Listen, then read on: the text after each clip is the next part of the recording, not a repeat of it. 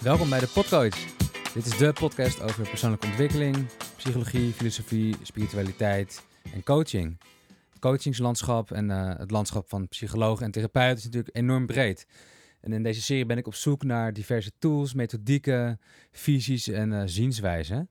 Zodat wij als luisteraar, therapeuten en hulpverleners nog beter bij onszelf kunnen komen en nog meer bewustzijn kunnen krijgen over uh, ja, wat er allemaal bestaat qua persoonlijke ontwikkeling. Mijn naam is Ramon de Munk, ik ben zelf toegepast psycholoog en loopbaancoach. En ik help mensen hun eigen geluid ontdekken in een wereld vol ruis. Ja, want we leven best wel in een overprikkelde maatschappij. Veel prestatiedruk, de moed en hoop van jezelf en van anderen. En het is natuurlijk mooi als je daar in jezelf mag zijn. En in mijn werkwijze combineer ik dus loopbaancoaching met psychologie omdat het vaak hand in hand gaat. Hè? Dus bij, het, bij de zoektocht naar een nieuwe baan kom je natuurlijk ook jezelf tegen. En daarin misschien ook wel belemmerende overtuigingen. Dus kijk snel op www.demuncoaching.com. Daar kan je een gratis loopbaantest maken om te kijken waar sta ik nu en waar wil ik naartoe. En ook kan je daar een matchingsformulier invullen om te kijken of er een match is tussen jouw hulpvraag en mijn methodieken. Ik hoop je snel te zien en veel luisterplezier.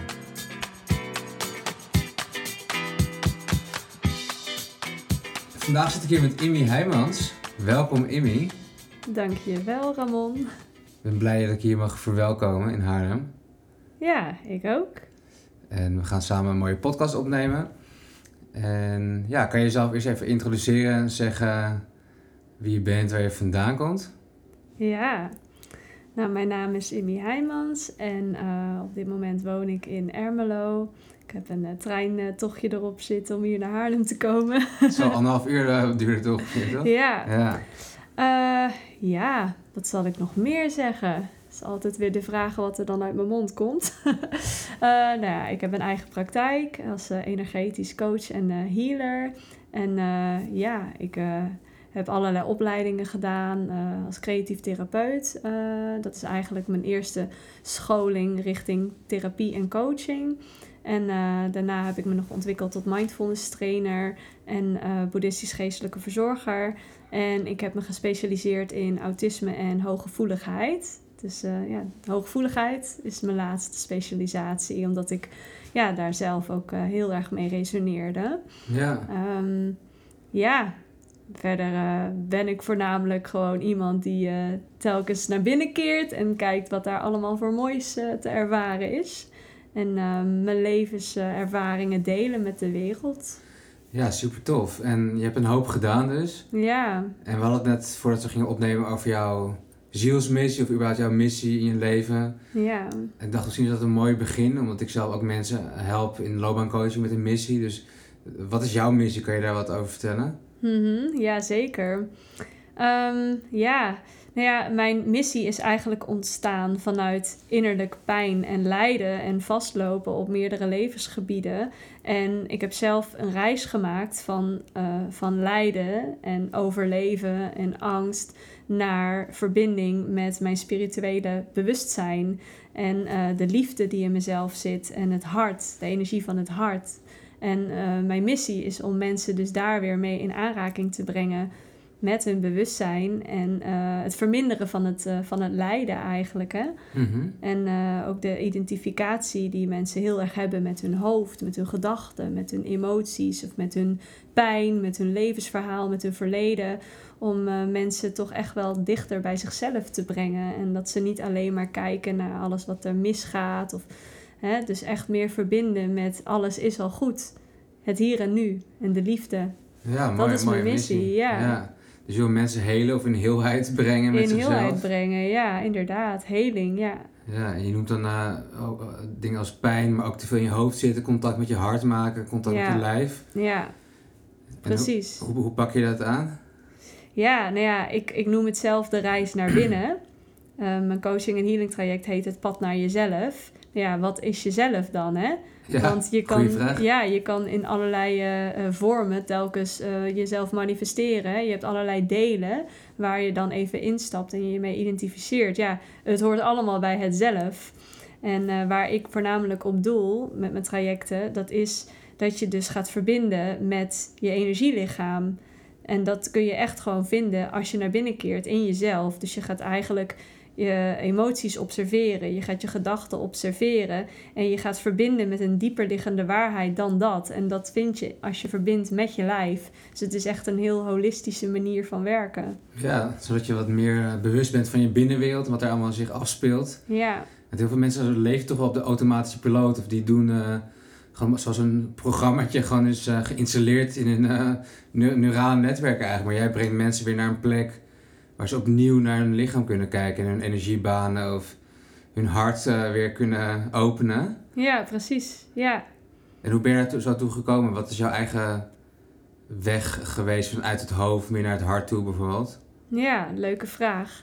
Um, nou, dat is bij mij begonnen eigenlijk in 2012, omdat ik uh, eigenlijk ja, toen al mijn leven lang, ik was, ik was toen natuurlijk nog wat jonger. Volgens mij was ik toen 23. Ik ben nu 32. Ja. Maar toen dat dus begon, toen um, liep ik vast met hoe ik mijn leven leidde. Omdat ik altijd heel erg mijn geluk buiten me zocht.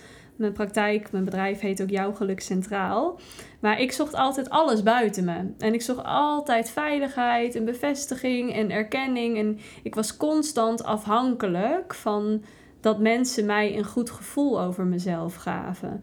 En daardoor ja, liep ik helemaal vast op het moment dat ik dan mensen kwijtraakte. Dus ik was eigenlijk alleen maar met mijn ogen naar buiten gericht en niet naar binnen.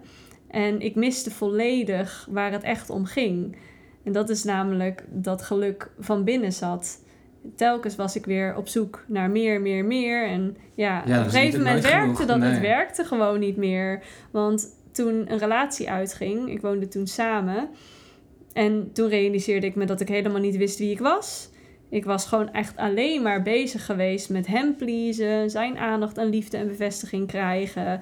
En ik was zo mezelf voorbij gerend dat ik uh, toen die relatie uitging in een depressie terecht kwam. Ja, wauw.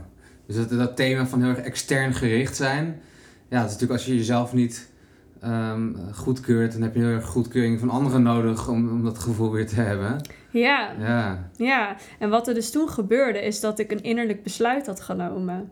En dat besluit was: ik laat mijn geluk nooit meer afhangen van anderen.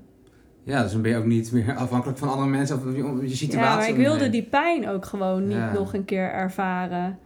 En toen is er dus iets gaan rollen. Want toen, een paar maanden later, in één keer uh, kwam er een mindfulness cursus uh, voorbij uh, op mijn opleiding. En toen wist ik, oké, die moet ik gaan doen. En ik deed al wel vanaf 2006 of zo aan yoga en af en toe wat meditatie, dat dan bij de yoga kwam. Maar ja, dan was het gewoon op die yogamat. En dan als ik dan weer van de yogamat afging en weer thuis kwam, dan zat ik weer in die patronen. Een tijdelijke oplossing, ja. Ja, precies. Het was wel natuurlijk een eerste deurtje wat open ging, want ik voelde me daar wel heel erg thuis. Ook in het nu, in mijn lichaam, bij de adem. Maar het was nog niet geïntegreerd in mijn leven. En toen ik mindfulness ging doen, toen werd het echt ook ja, een dagelijkse beoefening. En wat beoefende je dan dagelijks? Uh, nou, dat begon met de bodyscan. Oh ja. ja. dus dat was echt heel erg uh, in je lichaam zijn en voel je lichaam maar. Echt even intunen bij jezelf. Echt eventjes alles afgaan met je aandacht. En toen merkte ik, wow, dit is moeilijk. ik zit de hele tijd in mijn hoofd. Ja. ja. ja. En wat heeft het je opgeleverd om toch meer uh, met die bodyscans te doen en dat, dat pad van afhankelijk zijn van anderen toch naar dat binnen jezelf brengen? Hoe, wat heeft het je opgeleverd? Ja, ik merkte dus toen al wel van dat mijn hoofd vol met angst zat. Angstgedachten, angstscenario's, alleen maar verleden en toekomst. Dus alleen maar dus niet in het nu zijn en niet in het lichaam zijn. En doordat ik dus die mindfulness ging doen en voornamelijk ook die bodyscan en lichaamsgerichte oefeningen, uh, merkte ik, wow, het voelt gewoon heel vredig en kalm. Maar ik merkte ook heel veel spanning in mijn lichaam op, waar ik eerder helemaal niet bewust uh, van was. Uh, wat ook naar voren kwam door die bodyscan is uh, dat ik op bepaalde voeding gewoon niet meer goed reageerde. Daar was ik me eerder ook niet bewust van. Dus ik had eigenlijk nog heel weinig contact met mijn lichaamsbewustzijn, kwam ik toen achter. Ja, bijzonder. Maar we het natuurlijk heel erg veel over het lichaam. Jij werkt veel met het lichaam, met energie.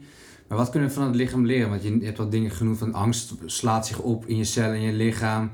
Um, energie stroomt door je lichaam. Dus wat kunnen we allemaal doen met lichaamswerk eigenlijk?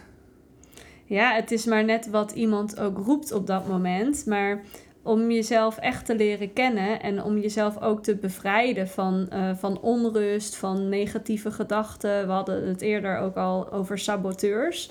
Dus dat zijn echt die stemmen in je hoofd die je de hele tijd naar beneden trekken. Van ik ben niet goed genoeg of ik kan het niet. En om jezelf daarvan te bevrijden, zul je toch echt in je lichaam moeten gaan aankomen. En ook eigenlijk die spanning die dat dus met zich meebrengt, als je die gedachten hebt, om die te lokaliseren. En uh, door lichaamswerk te doen en voornamelijk ook uh, mindfulness daarbij toe te passen. Dus liefdevolle aanwezigheid en uh, het loskomen van je gedachten en van je emoties. En gewoon ademen en in je lichaam zijn. Dat dat de weg naar bevrijding is van eigenlijk alles in jou wat het lijden in stand houdt. Ja, dat is super interessant. Ik ben wel benieuwd van zo'n overtuiging van ik ben niet goed genoeg of je bent er nog niet klaar voor of ik kan het niet. Het zijn allemaal overtuigingen, gedachten, zeg maar. Die geloof je dan. Maar jij zegt eigenlijk dat dat sluit zich ook in in je lichaam, of dat, dat wordt opgeslagen in je lichaam.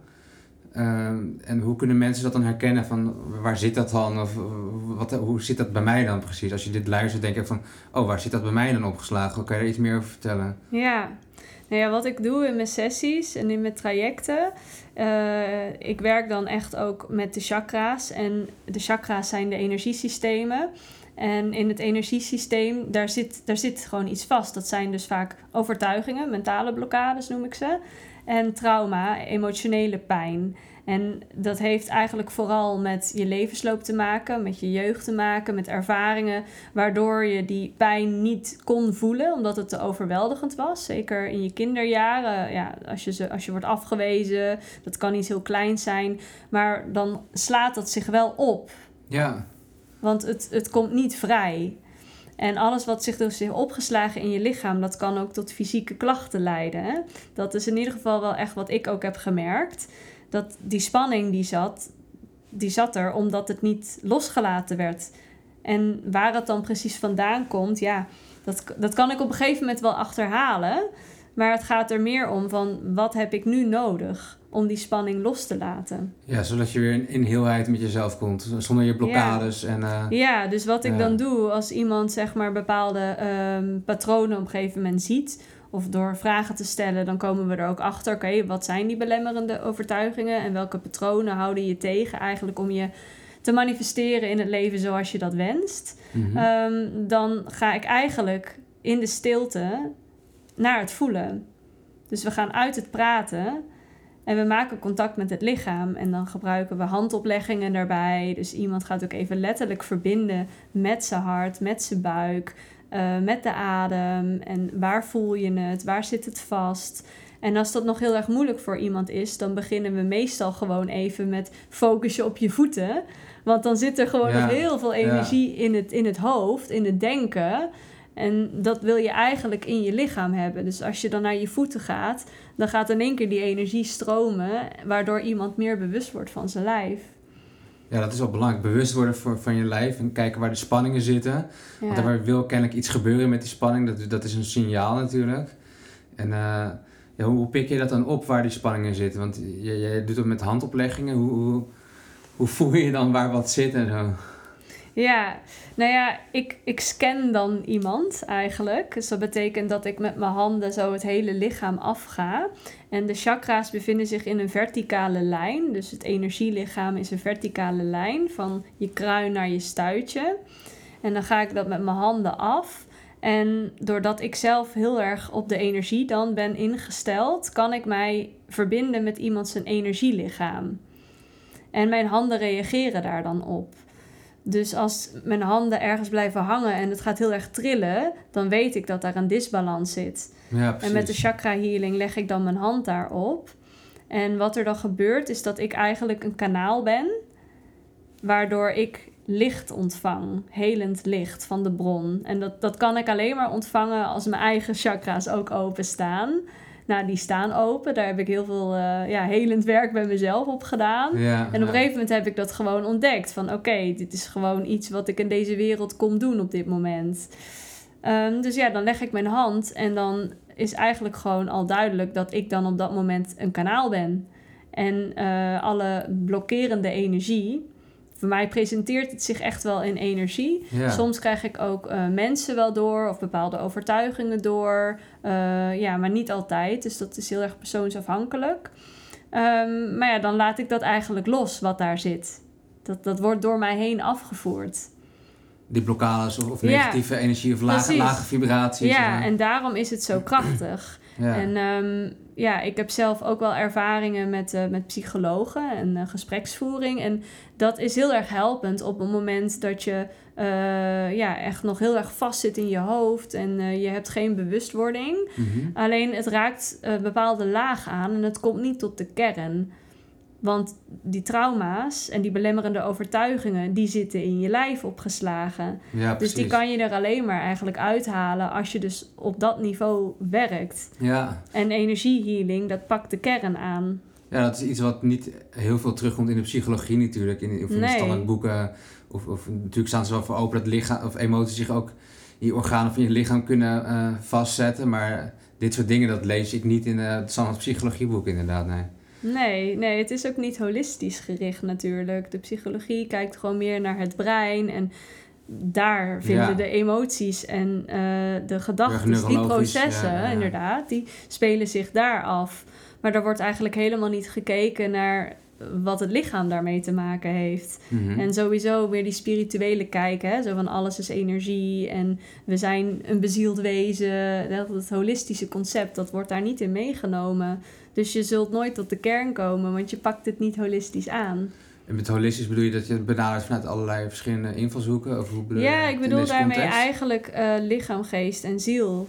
Die drie uh, eenheid. Ja. het is eenheid. Ja, dat werkt natuurlijk allemaal samen. Het werkt allemaal samen. En als je alleen op het gebied van de geest werkt, op de psyche, dan mis je de rest. Ja, over lichaam, dat je even een pil erin stopt en uh, weet je, dat, dat is ook symptoombestrijding oh, natuurlijk. Ja, ja. Oh, dat vind ik zo erg eigenlijk, dat dat gebeurt. Mm Ja. ja. Want je pakt het helemaal niet aan. Het, het probleem komt gewoon weer terug. Je lichaam blijft het ook aangeven. Maar het wordt alleen verdoofd of uh, weg, ja. weggestopt natuurlijk. Ja, die holistische aanpak, dat is natuurlijk ook iets wat steeds meer draagvlak ook krijgt. Ook in de westerse wereld. De mensen staan gewoon open voor spiritualiteit voor yoga, voor mindfulness. Hè, retretes uh, komen steeds meer voor en zo. Uh, het is wel een mooie ontwikkeling, toch? Hoe kijk jij er naar?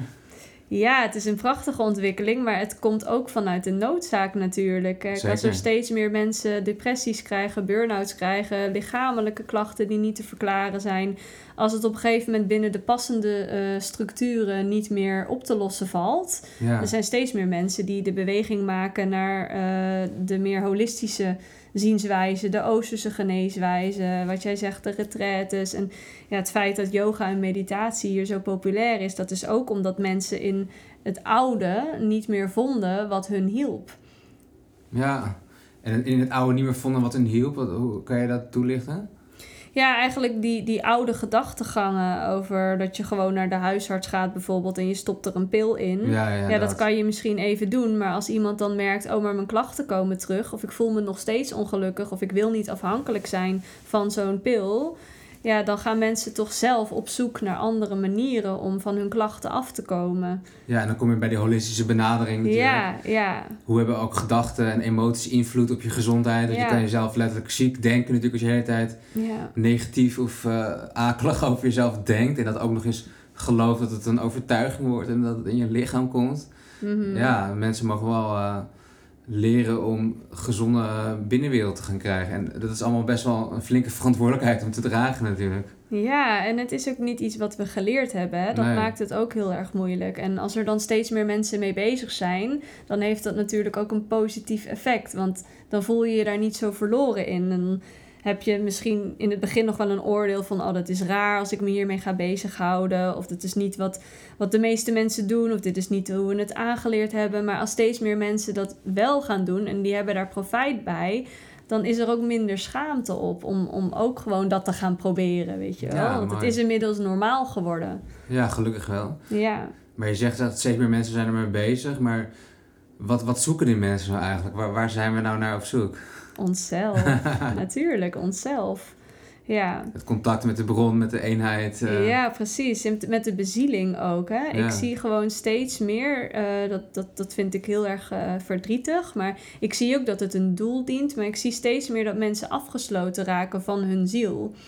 En als ik gewoon kijk naar ja, hoe het systeem waarin we allemaal meegaan, hoe dat is opgebouwd, dan is dat ook helemaal niet uitnodigend om echt die bezieling te vinden. Nou, je mag eh, van geluk spreken als je ook heel erg creatief bent of muzikaal en je hebt dat ook als uitlaatklep. Want als je met creatieve expressie bezig bent, dan kom je ook in een flow en dan kom je dus ook bij die eenheid uit en je versmelt met het moment en je Ja, ja, voelt ja. je helemaal in je creatiekracht. En gelukkig zijn er ook heel veel mensen die op, op, ja, op die momenten hun bezielde moment pakken. Eh, maar daarnaast is het, zoals ik het zie, ook belangrijk dat je contact maakt met jezelf en met je lichaam en met de stilte vooral ook. In een wereld vol met prikkels en afleiding. Ja, Ja, dat zeg je goed. We, we leven in zo'n prestatiegerichte maatschappij dat je bezieling soms wel eens ondersneeuwt. Je moet altijd maar aanstaan, presteren en goede cijfers halen en een go- goed salaris halen. Dat je echt stilte of tijd voor jezelf eh, soms eh, vergeet eh, om dat te doen. Ja. dat is wel zonde. Ja, en wat ik ook echt heel erg belangrijk vind, en die weg heb ik natuurlijk zelf ook gelopen, is dat mensen weer gaan verbinden met hun hart en hun hartsverlangens. Ja, Want als jij eh, gewoon een pad loopt van, oh, dit is voor me uitgestippeld en ik ga naar school en ik ga een opleiding doen, ja, oké, dan heb ik binnen de keuzeopleidingen natuurlijk wel hè, de keuze om iets te doen wat ik leuk vind. En dan ga je werken. Maar de vraag is uiteindelijk van doe je wat je hart je ingeeft, wat je echt gelukkig maakt, wat je energie geeft en waarbij je iets bijdraagt. Ik geloof ook heel erg erin dat we eh, allemaal iets bijdragen. En ehm, ja, op het moment dat jij eigenlijk gewoon alleen maar werkt omdat er brood op de plank moet komen en je bent aan het overleven en je moet alle ballen hoog houden en je hypotheek moet betaald en de kinderen moeten eten en ja. eh, je loopt ondertussen gewoon elke dag leeg op je werk. Ja, dan is het niet gek dat je in een burn-out komt. Nee, of dat je je gaat afvragen, is dit het nou? Ja, dan draag je ook niet meer bij aan je omgeving, omdat je alleen maar op slot zit en niet Ja, lekker in je en vel zit. eh, ja, dit is natuurlijk iets wat in heel veel gevallen ook gebeurt. Dat mensen ook daadwerkelijk eh, tot stilstand komen door fysieke klachten of door een burn-out. Maar het gebeurt ook heel vaak niet. Omdat mensen gewoon, ja, toch nog heel erg in die conditionering zitten. Ja, ja. En nog heel erg dan bezig zijn met, nou ja, maar dit is gewoon mijn leven. En eh, een beetje die slachtofferrol van, ik heb Zo niet echt een nou andere eenmaal. keus, zo is het nou eenmaal. En ehm, ja, wat je bijvoorbeeld ook heel vaak ziet, is dat mensen steeds meer eh, klachten krijgen. Of dat ze hun hart meer op slot zetten, dat ze meer vanuit hun hoofd gaan leven. Omdat het voelen van de pijn eigenlijk, die ze de hele tijd onderdrukken, dat is op een gegeven moment zo'n opstapeling van, van emoties en, en pijn en trauma. Dat het gewoon heel veilig voelt om in je hoofd te gaan leven. ja. Maar dan gaat het lichaam Ja. op een gegeven moment protesteren. En dan, dan krijgen mensen ook eh, lichamelijke klachten. Ja, dat snap ik. Ja. Soms zelfs Ja. een hartinfarct, omdat ze al heel erg lang pijn op hun, eh, op hun hart dragen. Zeker, ja. Ja, dat stress is natuurlijk echt eh, nummer één ziekteverwekker eh, voor de mensen. Dus dat is echt niet Ja. goed. nee. Maar ik wil nog heel even terug naar het moment dat je zei van je staat voor een keuze of je staat voor bijvoorbeeld in dit geval als voorbeeld even een baankeuze. Veel mensen doen het met hun hoofd, zeg je. Het is mooier als je contact maakt met je hart en dat je het vanuit je hartsverlangen doet. Ehm, die, die luisteraar die zou zeggen, ja, hoe, hoe, hoe kan ik nou beter naar mijn hart luisteren? Want dat lukt niet, want ik zit heel erg in mijn hoofd. Hoe, wat zou je zou iemand willen adviseren? Ja, het begint ook met die zelfobservatie. Want je kan de stem van je hart, de stem van je hart die fluistert en je hoofd schreeuwt. Want je ja, hoofd dat is het moeilijke ervan. Dat is de onrust, hè? die Ja. zit in je hoofd. En eh, ja, mensen noemen dat dan ook wel het ego, weet je, in de spirituele kringen. Maar eh, het hoofd, of het ego, die wil constant een gevoel van veiligheid ontlenen door de toekomst veilig te stellen En controle ook en controle te Ja. hebben daarover. Terwijl als je verbindt met je hart, dan kan je dat eigenlijk alleen maar vanuit observatie in het hier en nu doen. Maar als je hoofd er dit het overheen schreeuwt, ja, dan moet je wel stil worden. Dus ik zou zeggen voor degene die dus merkt van oké, ik zit heel erg veel met onrust in mijn hoofd en eh, ik voel spanning in mijn lijf. Begin maar eens met stil worden en leg een hand op je hart. En laat dat hoofd maar gewoon kletsen, observeer het maar. Je, Ja, hoeft, je ja. hoeft er niks mee. Je kan Ja. het gewoon gewaar worden. Ja, ik denk dat het een hele goede tip is. Want heel veel mensen die ook eh, ja, een baan willen kiezen, zitten zo in hun hoofd. Die willen alles uitslippen van als ik deze keuze maak, dan wat gebeurt er dan? En dan sluit ik er niet wat uit en krijg je dan geen spijt. Het is een hele tijd verhalen in het hoofd aan het maken. En die verlies je dan heel erg het contact met hun intuïtie. Of het innerlijk weten van dit voelt goed voor mij nu. En ik heb, mag vanuit vertrouwen mijn beslissingen nemen.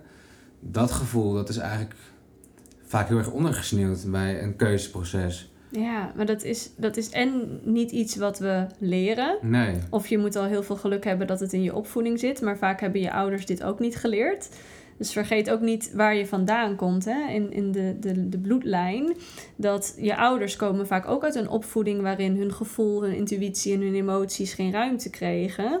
En dat er nog heel erg vanuit overleven werd geleefd. Uh, dus het is vaak ook een beetje de zoeker, anno nu, de twintigers, de dertigers, de veertigers, die vastlopen met bepaalde dingen in hun leven. En die dan vragen gaan stellen en die de weg naar binnen gaan maken. Dat noemen ze dus ook wel de spirituele zoeker. ja. ja, maar ook omdat je het dus niet geleerd hebt. En dat is dan inderdaad een hele goeie van op het moment dat jij nog steeds het allemaal met je hoofd probeert op te lossen, dan blijf je constant malen en dan kom je er niet uit. Dan blijf je in de twijfel, in de onzekerheid. Terwijl het vertrouwen, dat ga je alleen maar voelen als je contact gaat maken met je hart. Ja, ja dat is wel echt nodig. Want als blijf je maar in cirkeltjes denken in je hoofd en ja. blijf voor elke beslissing twijfelen. En maar je hoofd is constant bezig met overleven ja. en, en de toekomst veiligstellen en niet met het nu. Nee, je hoofd altijd bezig op met het verleden of met de toekomst. Maar alles behalve in het nu contact maken. Ja. ja. Maar geloof je er ook in, in alignment dat je dat, je dat gevoel ehm, ook moet kloppen? Dat het en met je gedachten goed voelt en met je hart goed voelt. En dat je ook ja, dat, dat het echt gaat leven, dat dat in een soort van alignment komt of zo? Hoe kijk jij daar naar? Ja, ja, alignment, ja, afstemming. Ja. ja, dat is dus voor mij ook echt in het hier en nu zijn. Ja. En verbinden dus met je hart en met het vertrouwen. En dan moeten we ook nog een stapje dieper meer in de buikenergie gaan zitten. Want eigenlijk zit in je buik een soort tweede brein. En dat is je lichaamswijsheid. In je, en je lichaam, ja. ja. maar die zegt ja of nee. En heel veel mensen kunnen daar niet naar luisteren, want die zitten de hele tijd in hun hoofd met gedachten en angstscenario's. Ja, ja. Maar uh, ja, die blokkades, die zitten dus ook in je lichaamcellen opgeslagen. En daarom is het zo belangrijk dat je dus meer in je lichaam gaat zijn. En dat je weer het vertrouwen terug uh, vindt. Want dat vertrouwen, dat zit er. Maar je komt er niet bij als je uh, gedachten blijft volgen. Dus alignment is voor mij ook echt hoofd, hart en buik verbinden. Ja, dat is wel heel belangrijk. Ja. Het doet me ook wel denken aan, we hebben het natuurlijk over gevoel naar je gevoel luisteren. Laatst deed ik een training en uh, de hoofdtrainer die zei daar dat uh, gevoelens manipulatief zijn, uh, omdat er altijd een gedachte aan vooraf gaat. Dus als iets goed voelt, ja, ik kan ook wel denken, ik heb trek een chips bijvoorbeeld het voelt goed, ja, ja, dus dan ga ik het doen.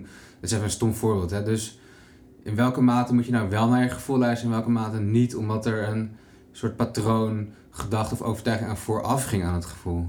Ja, dat is dan een, eh, een hele goeie dat je dit nu aankaart. Want ik zie het zelf als dat er verschil is tussen emoties die voortkomen uit gedachten. Mhm. Dus de gedachte en de emotie zit eigenlijk allebei in je lichaam. Dus je voelt het dan ook in je lichaam. Een bepaalde gedachte creëert spanning. Uh, een bepaalde gedachte creëert uh, enthousiasme. Of een bepaalde gedachte creëert een emotie. Dat zijn allemaal herinneringen die in je cellen zitten opgeslagen. En vanuit dat kan een behoefte ontstaan. Dus als je een bepaalde gedachte die gekoppeld is aan bijvoorbeeld uh, je veilig voelen en je volgt die, dan heb je gehandeld vanuit een bepaald pijnpunt eigenlijk. Want je voelt je niet veilig, uh, je wil chips eten. Ja. Dus dat is dan een handeling vanuit die gedachte geweest en die emotie. En dat is uh, eigenlijk niet vanuit je ware gevoel handelen. Nee. Want je ware gevoel, dat is eigenlijk voor beide gedachten en voor beide emotie. Dus als ik in stilte uh, ga zitten en ik ga kijken naar wat er ontstaat, op een gegeven moment dan merk ik, dan kom ik meer in mijn lichaam en dan verdwijnen die gedachten en eventuele emoties die opkomen wat naar de achtergrond.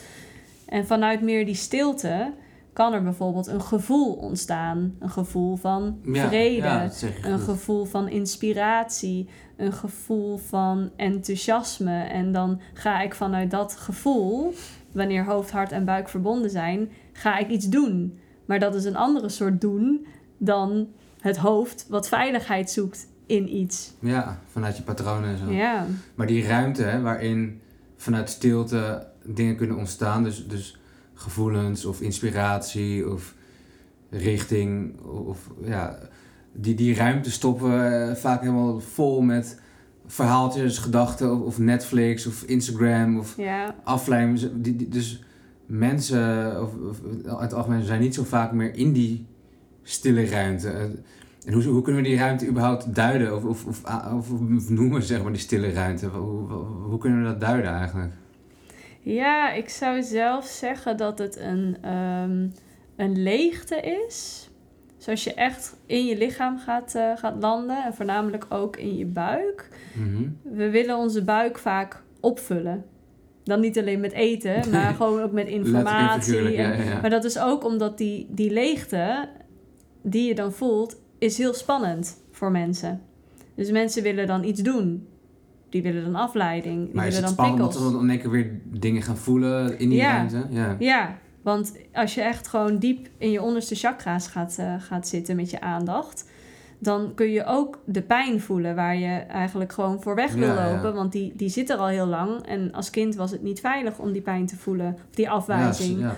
Geloofssystemen. Kijk, die geloofssystemen, die beperkende overtuigingen, die komen uit het verleden. Ja. En die belemmeren jouw toekomst. ja, of die, die voorspellen je toekomst bijna, zeg maar. Die, ja, maar dat is het. Mensen realiseren zich dat niet. Maar je creëert eigenlijk voornamelijk vanuit je onderbewustzijn. Dus de kracht zit erin om je bewust te worden van wat er in je onderbewustzijn speelt. En wat je dan belemmert om die Ja. stap te maken om echt meer vanuit je hart te gaan leven. Want dat is dus, dat heb ik zelf ook gemerkt. Ik ben echt dat pad aangegaan van hoofd naar hart en hart naar buik. En ik merk dat ik het gewoon doodeng vind soms om mijn hart te volgen in het hier en nu. En dat mijn hoofd er zich mee gaat bemoeien. En dat ik dan weet, oké, het werkt niet meer om dat vanuit angst te doen, vanuit die angstgedachten en die saboteurs.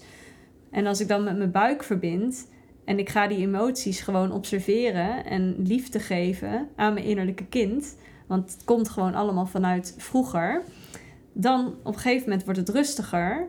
En dan is die leegte die dan ontstaat ook niet meer zo spannend. Want dan voel ik dat er heel veel volheid en heelheid in die leegte zit. Omdat je het liefst in aandacht geeft. Ja, precies. Ja. Dus ik vul eigenlijk die pijnlijke plekken waar ik voor weg wil lopen in mijn lichaam, die vul ik met liefde, met liefdevol bewustzijn.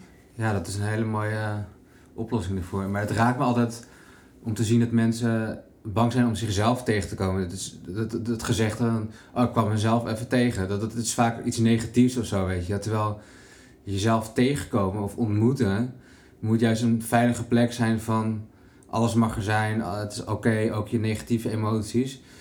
Ehm, ja, en dat vind ik, het raakt me om te zien dat mensen daarvoor weglopen of niet meer durven in stilte te zitten, omdat er dan zogenaamd allemaal shit boven komt. Maar het is gewoon Het oordeel over je emotie en over de shit die dan boven komt. Van, oh, dat mag ik niet voelen, ik moet me altijd goed voelen. Of het doet pijn of, en het is slecht. Het is heel erg een oordeel over jezelf hebben. Of jezelf afwijzen of jezelf haten daarin en zo. En dat vind ik gewoon zonde. Dat, dat veel mensen daar dan niet iets mee doen of durven aan te kijken of durven te helen of zo. Ja. Ja, het is eigenlijk die zelfafwijzing die jij nu eh, benoemt. En die zelfafwijzing die hebben we eigenlijk allemaal in ons zitten. Ja, Ja, kijk, waar het dan vandaan komt is weer voor iedereen anders. Ik geloof er zelf bijvoorbeeld ook echt in dat dit een collectief veld is... die we met z'n allen als mensen hebben gecreëerd... van angst en schuld en schaamte. angstcultuur. Ja, nee, maar dat is echt zo. Hè? Daar hebben we allemaal op onze eigen manier wel last van. Dus op het moment dat jij met bewustwording bezig gaat... en met persoonlijke ontwikkeling... en je gaat eigenlijk kijken van... oké, wat belemmert mij? En eh, wat zijn mijn beperkende gedachten? Welke emoties spelen er? Nou, dan kom je op de eerste plaats die zelfafwijzing tegen. Want mensen willen eigenlijk zich profileren als iemand die in zijn kracht staat. En je wil bepaalde erkenning en een bevestiging. En je wil eh, het goed doen. Hè? Ja, je goede, goede imago wil je laten Goede zien. imago. En dat is echt heel erg de buitenkant. Ja. En eh, waar dit meer over gaat, dat noem ik dan zelf schaduwwerk. Mhm. Naar binnen keren. En ga maar naar dat wat in de schaduw staat. Want ook daar mag het licht naartoe. En juist in deze tijden zie je dat heel erg dat mensen met hun schaduwkant worden geconfronteerd en dat ze er ook eigenlijk niet meer echt voor weg kunnen lopen. Maar ik denk ook al als je juist die schaduwkant meer afwijst of onder het tapijt schuift, dat het alleen maar meer macht krijgt, omdat het dan sterker wordt of juist blijft. Terwijl als je het gaat verlichten, dan kan, kan het oplossen of dan kan het ja, ontspannen. Of, ja, het is heel normaal dat je daar in eerste instantie van weg wil rennen. Ja, Omdat dat, dat is de herinnering eigenlijk. Hè? De herinnering is van, oh, die pijn is overweldigend. Het is niet veilig. En pas wanneer mensen zich meer veilig gaan voelen, dan kunnen ze ook leren om te zijn met die emotie, met die pijn, met dat trauma, wat oncomfortabel voelt. En als je dan leert ermee te zijn en er naartoe te ademen, dan ontstaat er verlichting. Want dan kan het zichzelf namelijk oplossen. En op het moment dat jij je dempt, met welke vorm van afleiding dan ook, kijk, de buitenwereld zit er vol mee. Ja. Ja, dus het is heel erg makkelijk om, je even af te, leiden. Maar die pijn, dat wat je uit de weg gaat, die komt altijd terug. Totdat jij ermee gaat zitten. En daarvoor is het zo belangrijk zo dat het lichaam je. Nou eenmaal. Ja. ja, maar dat je je dus ook met je liefdevolle hart, ik noem het ook wel je zielenbewustzijn, dat je je verbindt met die liefde. Want als je die liefde voelt, dan kan je het ook dragen. Ik noem dat liefdevol je innerlijke kind dragen. Ja, mooi. En uh, heel veel volwassenen die uh, zijn op een gegeven moment een soort van rijp om dit proces aan te gaan. Ik geloof er ook wel in dat kinderen die ja, die zijn over het algemeen nog heel erg bezig met, uh, ja, met de wereld ontdekken en hun lichaam, hun emoties en op een gegeven moment ook hun gedachten. Maar op een gegeven moment komt er een, een fase in je leven dat je hier rijp voor bent om ja, eigenlijk die heling aan te gaan. Ja, mooi. Ja, heling is natuurlijk heel belangrijk, maar je moet wel het vertrouwen hebben om het aan te kunnen, zeg je net. En ja, wanneer ben je daar dan klaar voor, zeg maar? Want het klinkt ook al van, als een soort van voorwaarde voordat je eraan kan beginnen. Zo. Ik geloof erin dat heel veel mensen een beetje voortkabbelen als alles oké gaat in hun leven. Ze voelen zich niet heel slecht, ze voelen zich niet heel goed alles gaat zijn gangetje, weet, weet je wel? Model die, uh, ja. Alles gaat oké, weet je. Ik heb een leuk huis, een leuke relatie, leuke baan, leuke vrienden, leuke hobby's. Ja, en dat is dan oké. Dat, dat, is, voor mensen... de meest gevaarlijke staat. Ja, ja, ja, maar het is ook een staat waarin er niet echt iets verandert. Omdat je je niet bewust bent van intens lijden. En je bent je ook niet bewust van intense vreugde en thuiskomen bij, bij de bron. En dat ken je ook niet. Heel mat of heel gematigd. Ja, ja, ja. En je je wordt ook eigenlijk wel geleefd. En je bent nog steeds afhankelijk van heel veel dingen. Maar je stoort je er niet aan. Want alles loopt wel lekker. En op het moment dat ergens een van die levensgebieden niet meer lekker loopt, of er valt iets weg, of je voelt je gewoon überhaupt niet happy, want je denkt, oh, ik heb het toch allemaal, maar er mhm. blijft iets knagen of je blijft uh, klachten houden, dat is vaak voor mensen een wake-up call. Ja. ja, vaak moet de pijn groot genoeg zijn voordat je ergens uh, mee aan de slag gaat. Ja, of een, of een algeheel gevoel van onbehagen en onrust. En op een gegeven moment ga je bij jezelf zien: oh, ik loop ergens voor weg. Of uh, je wordt verslavingsgevoeliger en patronen worden steeds destructiever. En je merkt dat je daar niet van afkomt. Dat kan ook een reden zijn. Dat kan ook een reden zijn. Of, of dat pure passie is. Want ik herinner me nog zelf als kind dat mijn opa er heel, heel erg veel over sprak. Over lichaam, ziel en geest. Over de menselijke ontwikkeling. Dat het me enorm greep en fascineerde gewoon. En ik wil begrijpen. En als kind begreep ik niet alles. En dat frustreerde me zo. En ik wilde alles snappen en weten hoe het allemaal zat in die binnenwereld. Met je lichaam, ziel en geest en in je psyche. En wat je hier op aarde komt doen en dat soort thema's. Dat fascineerde me al als kind af aan eigenlijk. Ik was er al zo veel over aan het nadenken dat ik dacht van... Ja, waarom besta ik eigenlijk? Hoe kan het dat ik dit meemaak? Dat ik dit bewustzijn heb en dat ik een ik heb of een ik kan ervaren. Dat vond ik al zo bizar als kind al. Daar was ik echt al uren over aan het filosoferen in bed. Dat ik lag, kon ik uren over nadenken. Ja, en met jou heel veel anderen. Ja. Ik was ook al zo.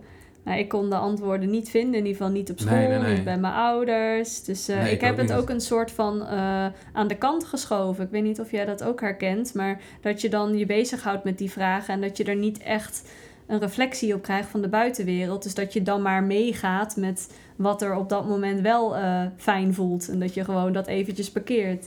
Ja, nou, ik had, ik, bij mij was de pijn misschien niet groot genoeg. Dus in mijn puberteit heb ik wel flink wat crisissen gehad door van school naar school. En gewoon uh, totaal de aansluiting met, met het systeem, met het schoolse patroon. En daar, daar pas ik gewoon helemaal niet in. Dus ik heb wel even mijn eigen weg moeten zoeken daarin. En uh, spiritualiteit heeft me daar wel bij geholpen om te beseffen dat er meer is dan ehm, ja, het reguliere pad of zo. Dat het heel goed is om je eigen wijsheid te zoeken en je eigen ehm, ontdekkingsreis aan te gaan. Weet je. Iedereen gaat zijn eigen weg daarin en er is niet één formule voor. Zo. Nee. Nee, dat is ook ja, een beetje de joy of life. Dat speelse, dat ontdekken. En wat ik ook wel heel veel zie in de spirituele wereld, is dat het ook iets zwaars wordt. Zo van, oh, ik ben zoekende en er moet toch meer zijn. En wie ben ik dan? En wat is mijn missie? En dan wordt het iets heel serieus of zo. Ja. En dan ben je weer iets aan het zoeken. Dan ben je wel misschien meer naar binnen gericht. Ja, maar het kan ook dat je dan wel meer naar binnen gericht bent. Maar je bent nog steeds niet happy met waar je in het hier en nu bent. Er moet nog steeds van alles aan jou veranderd worden. Je hebt nog steeds die zelfafwijzing. Uh, je bent niet tevreden met wie je bent. Je voelt je afgesloten. Kijk, het begint met die onrust en dat lijden. Maar wat ik uiteindelijk heb geleerd in de zoektocht naar hè, mijn, mezelf, mijn spirituele zelf ook, de kern, is dat ik eigenlijk gewoon in het hier en nu ben. En dat ik daarin gewoon goed ben. Ja, want als je ik ben gewoon, punt. Als je iets wil fixen, dan is het altijd van... Ik, ik moet nog iets verbeteren aan mezelf, want dan ben ik goed. Of ik moet nog even een spirituele cursus doen dan zal ik het geluk vinden. Maar dan ben je het altijd aan het verleggen tot een mhm. illusie in de toekomst. De toekomst is toch een illusie. Dus je kan het inderdaad, wat jij mooi zegt, altijd in het hier en nu gewoon ervaren. Het is nu al goed zoals het is in ja, dit moment. Ja, de vrede is er altijd nu. Ja. Ja. Maar dat is dus wel. Het klinkt zo simpel, maar het is toch weer zo moeilijk om het Het is een flinke omschakeling, hè? Want dat ego geeft zijn bestaansrecht niet zomaar op. Want die is ervan overtuigd: je hebt mij nodig. En ik wil jou beschermen tegen de pijn van het verleden. Uh, door van alles te doen en uh, veilig uh, te zijn. En erkenning en bevestiging te hebben. En, ja, maar als je uiteindelijk realiseert van ja, maar dat is niet waar mijn geluk te behalen valt. Of mijn veiligheid of mijn houvast. En het zit binnenin mij, in het hier en nu, weet je wel dan uh, krijg je ook te maken met heel veel weerstand. En ik, ik schiet soms ook nog steeds heen en weer. Maar inmiddels heb ik al zoveel innerlijk werk gedaan dat ik eigenlijk er niet meer zoveel van aantrek. Dus op het moment dat mijn ego met gedachten me probeert te vertellen dat ik uh, mezelf in veiligheid moet brengen, of dat ik iets moet doen, of dat ik een bepaalde bevestiging ergens vandaan moet halen, dan observeer ik het eigenlijk meestal. En uh, ja, dan ben ik weer in het hier en nu.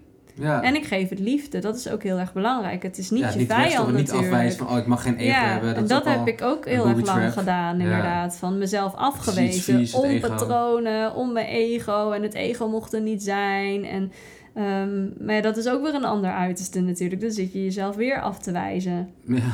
Ja. Ja. ja, maar de kracht van het nu waar je het over hebt, dat is wel heel erg belangrijk. Want daarin vind je ontspanning en rust en heelheid. Maar tegelijkertijd blijven ook mensen. We willen ook alweer naar de toekomst. We willen een huis, we willen kinderen. Dus we zijn ook zo naar de toekomst gericht. Ja. En daarbij is het van... Ook vergelijken met mijn buurman. Die heeft dan een dikkere auto. Of mijn vrienden hebben een missie en passie en werk al gevonden. Dus we zijn heel erg toekomstgericht. Daar ontkom je gewoon niet aan. Ook al heb je een moment van bliss. En dat je even in een meditatie er nu bent. Ja, die toekomst die, die knaagt aan je. dat blijft toch wel weer een De toekomst bestaat niet. Het, het is natuurlijk een illusie, want je weet nooit hoe het zou zijn of het bestaat niet totdat je. Ja, het is altijd alleen hier en nu. Maar toch is het wel iets, je wil plannen, je wil plannen maken, je wil. Uh, dat, en daar zit weer heel veel onrust in meteen. Dan komen al je is, patronen dat weer is terug. vanwege het willen. ja, dat moeten en willen. En dat bedoel ik met die prestatiemaatschappij die we veel ervaren. Um, maar jij had het net zo mooi over het dit soort dingen aangaan, meer vanuit een vertrouwen, vanuit flow. Het vertrouwen van als ik iets wil, dan komt het op mijn pad. Een beetje het stukje manifesteren. En zoals ik het nu schets, dat kom ik veel tegen bij mensen die ik bedien. Die zitten heel erg zo in die, in die gedachtenkramp. En als we dat even vergelijken, hoe kunnen mensen meer vanuit die vertrouwelijke kracht gaan manifesteren en hun dromen uh, vormgeven? Ja, ja, dat is echt een reis uh, van het denken naar het, het voelen en het weten. En uh, ja, iedereen doet het ook op zijn eigen manier. Maar ja, ik merk gewoon dat daar voor mij er een passie in ligt. Omdat ik gewoon zie hoeveel mensen vastlopen. En ook wat jij zegt, de hele tijd maar bezig zijn met wat wil ik? En ik weet niet wat ik wil. En hoe moet ik dat nou doen? En die heeft dat, die heeft dat, ik heb het niet. Alleen dat geeft al zoveel stress. Ja. Je bent de hele tijd jezelf aan het vergelijken met anderen. En ik merk het bij mezelf ook Ehm, ik ben afgelopen zomer ook wel even weer in een dal terechtgekomen, omdat ik mezelf ging vertellen: ik ben nog niet waar ik wezen moet. Ik heb zoveel dromen, ik heb zoveel wensen en waar ik nu ben, dat is helemaal niet waar ik wil zijn. Nou, dat verzet creëerde bij mij weer ongelooflijk veel lijden. Ja, ja wat ben ik dan aan het doen? Dan zit ik de hele tijd een soort uh, ideaalplaatje te maken van de toekomst. En waar ik nu ben, dat is mijn grootste vijand. Nou, dat was voor mij echt weer opnieuw een wake-up call. Oké, en we gaan weer naar binnen, naar het nu. En voel maar dat ik heel ben, nu. Dat ik compleet ben en dat ik niks nodig heb. En wat ik dus ook heel erg zie, is dat dat willen en dat de hele tijd maar iets willen bereiken en meer en meer en meer en het is nu niet goed, dat dat een grote bron van lijden is. En op het moment dat je eigenlijk minder wil, of je wil misschien wel van alles, maar je laat het er gewoon zijn. Hè? Je observeert jouw willen, jouw behoeftigheid ja. en je weerstand. Is eigenlijk, in het boeddhisme zeggen ze, het is de weerstand en het is het verlangen, de behoeftigheid wat lijden creëert. Want je bent constant dit niet, dit wel, ik wil dit, ik wil dat niet. Het is niet goed zoals het is. Het gras is altijd groener aan de overkant. Dat is de onrust. En als je ik voel het ook als je het zo zegt. Ja, ja. en als je in het nu bent en je observeert en je hebt allerlei verlangens en wensen, laat ze er zijn. Voel het en zet de intentie. Oké, dit verlang ik vanuit mijn hart. Hier word ik blij van. En laat het dan los. Ja, het, ik herken het heel erg in mijn eigen onderneming ook dat ik vaak dingen deed vanuit een soort moed. Van, oh, het moet succesvol, ik moet uh, tien nieuwe klanten of ik moet dit of dat. Uh, ook naar mezelf bewijzen dat ik het kan. Dus dat is heel erg vanuit een soort... Het voelt ook verkrampt achter. Ja, en, en, dan, dat is het ook. Er zit een soort van schaarste gevoel of, of afwijzing of niet goed genoeg zijn. Dus dat is een heel onrustig uh, vertrekpunt om te gaan ondernemen. Terwijl, hoe je het zo schetst, en als ik het vanuit vertrouwen doe, dan mag het ook gewoon ontstaan of zo. En dat is heel anders. Maar ik vind het wel echt wel moeilijk om dat altijd te voelen, wat jij zo schetst. Ja, maar dat, dat, dat hoeft toch ook helemaal niet? Nee. Juist het feit dat je gewoon accepteert wat er nu is. En dat je, ik noem dat dan het innerlijke kind, hè, wat jij nu schetst. Dat zijn eigenlijk die delen van het innerlijke kind wat afgewezen is, wat eh, het gevoel heeft niet goed genoeg te zijn. Eigenlijk wat heel erg ook in die afgescheidenheid zit. Hè? En een mhm. kind is ook behoeftig. Ja. Die heeft ook van alles van zijn omgeving nodig om zich veilig te voelen. En dan overleef je niet als baby. Ja, maar op een gegeven moment als volwassene mag je dat allemaal gaan loslaten. En wat heel veel volwassenen doen, die zetten eigenlijk hun innerlijke kind aan het stuur van hun leven. nou, ja. ja, maar eh, je lacht omdat het inderdaad gewoon, dat gaat niet. Ik zie het voor me, ja. Ik, ja, maar dit zie gebeurt wel. in mijn hoofd van, van die uh, kinderen die heel behoeftig zijn of aan het, aan het zeuren, aan het krijsen zijn. die zitten zo te sturen en daar ga je mee in die, in die car, waardoor je zie mensen dan 101 bedpartners hebben om weer die bevestiging te krijgen of uh, goedkeuring van de buitenwereld. Het heeft allemaal met dat soort dingen te maken natuurlijk. Ja, We maar ook jezelf voorbij uh, lopen in een baan bijvoorbeeld. Een slijmen bij de baas, een constant hoger ja, op willen komen. Die bewijsdrang en prestatiedrang. Liefde willen ja, voor andere mensen. Het is allemaal het innerlijke kind. Ja. En uh, ik leer mensen dus heel erg om zichzelf, hun eigen innerlijke kind, die liefde te geven. En uh, de eerste twee sessies gaan ook heel erg over je hartsverlangen. En wat blokkeert jou? Wat zijn eigenlijk jouw innerlijke kind pijnen, triggers, je overtuigingen. En die ga je dan helen in het traject. Zodat de weg weer vrijkomt. Zodat de weg weer vrijkomt voor de stroming, voor je vertrouwen, voor je missie. En dat je echt uh, ja, in, in innerlijke vrijheid je passie kan gaan volgen. En dan alsnog kunnen die saboteurs wel weer terugkomen, maar je weet ermee om te gaan. Je geeft ze niet die aandacht meer, je zet ze niet meer aan het stuur. Soms denken we, waarom, waarom hebben dieren het zo makkelijk. Een, een, hond is gewoon een hond en die, die doet gewoon een hond zoals een hond hond. En wij mensen hebben zulke complexe systemen in onszelf. Ja. Waarom, waarom, waarom doen we zo moeilijk eigenlijk? Het is omdat dieren het verleden niet meer met zich meedragen. en wij dragen, alleen maar het hier wij dragen een rugzak met allemaal stenen. En uh, we realiseren ons niet dat we die rugzak af kunnen doen. Ja, het is een flinke uitdaging om mensen zijn. Maar ook weer heel mooi en uh, vol en volledig. En Het is een groot cadeau om mens te zijn, Omdat wij mensen met ons bewustzijn de mogelijkheid hebben om ons bewust te worden van onze spirituele kern. Ja. En onszelf te bevrijden van alles wat we niet zijn, maar wat we wel ervaren. En door in het hier en nu te komen en meer eh, ja, je los te koppelen eigenlijk van je gedachten en je emoties. En meer met je, met je ware zijn, met je liefde, met je bewustzijn te gaan verbinden. Kom je dus ook dichter bij de bron. En de bron is waar je vandaan komt. De eenheid. of De wel? eenheid, ja. Ja. En in de bron is alles goed. Dat is eigenlijk dus die leegte waar heel veel mensen bang voor zijn. Maar als je daar doorheen gaat, dan is er eenheid en is er kalmte en liefde. En dan, dan maakt het eigenlijk al bijna niet meer uit wat je doet, wat je manifesteert. Maar die, in die eenheid, het, voelt juist als thuiskomen, denk ik, eerder als je Ja, ja. bent. Ja, dat is zijn. Dat is de ik ben. Ja, gewoon puur zijn en meer niks. Ja, en daar zit ook een speelsheid in. Hè? Zo van, ik ben, oké, ik ben niet eh, mijn rol. Ik ben niet de ouder. Ik ben niet eh, mijn werk. Ik ben niet, eh, ja, maakt niet uit. Maar je kan er wel mee spelen. Ja, ja dat voelt heel fijn. Dat, dat, dat kan je natuurlijk ook wel met bepaalde soort genotsmiddelen opwekken. Dat soort gevoel van heelheid en jezelf helemaal verliezen of losing your mind. Ja, En- ja, er is een reden voor dat mensen zich verliezen in die ja, middelen. we willen ons masker even afdoen. We willen ons, ja, al die lastige gedachten even wegdoen. Maar dat is natuurlijk ook een soort van afleiding natuurlijk. Maar terwijl psychedelica kan het ook wel weer helen. Dat je echt wat door je angsten heen kan bewegen. Dus het, ja, ik snap wel dat heel veel mensen naar eh, dat soort dingen gaan grijpen. En, Ja, ja, we zijn telkens op zoek naar thuis. In een middel, in de ander, in wat we doen. Ja, We zoeken constant Ja, in een ervaring. Alleen die ervaringen zijn telkens eh, tijdelijk. ja. Die komen en die gaan. Ja, maar ik denk ook dat verlichting, wat, wat de boeddhisten of de zenmonniken doen, of nastreven, of het erover hebben, ze streven ze niet na, maar dat kan je ook niet je hele leven continu. Het is ook even een moment van bliss en verlichting en dan op, de volgende dag is het weer even weg en dan komt het weer terug. Je kan het niet continu vasthouden, zo, denk nee. ik.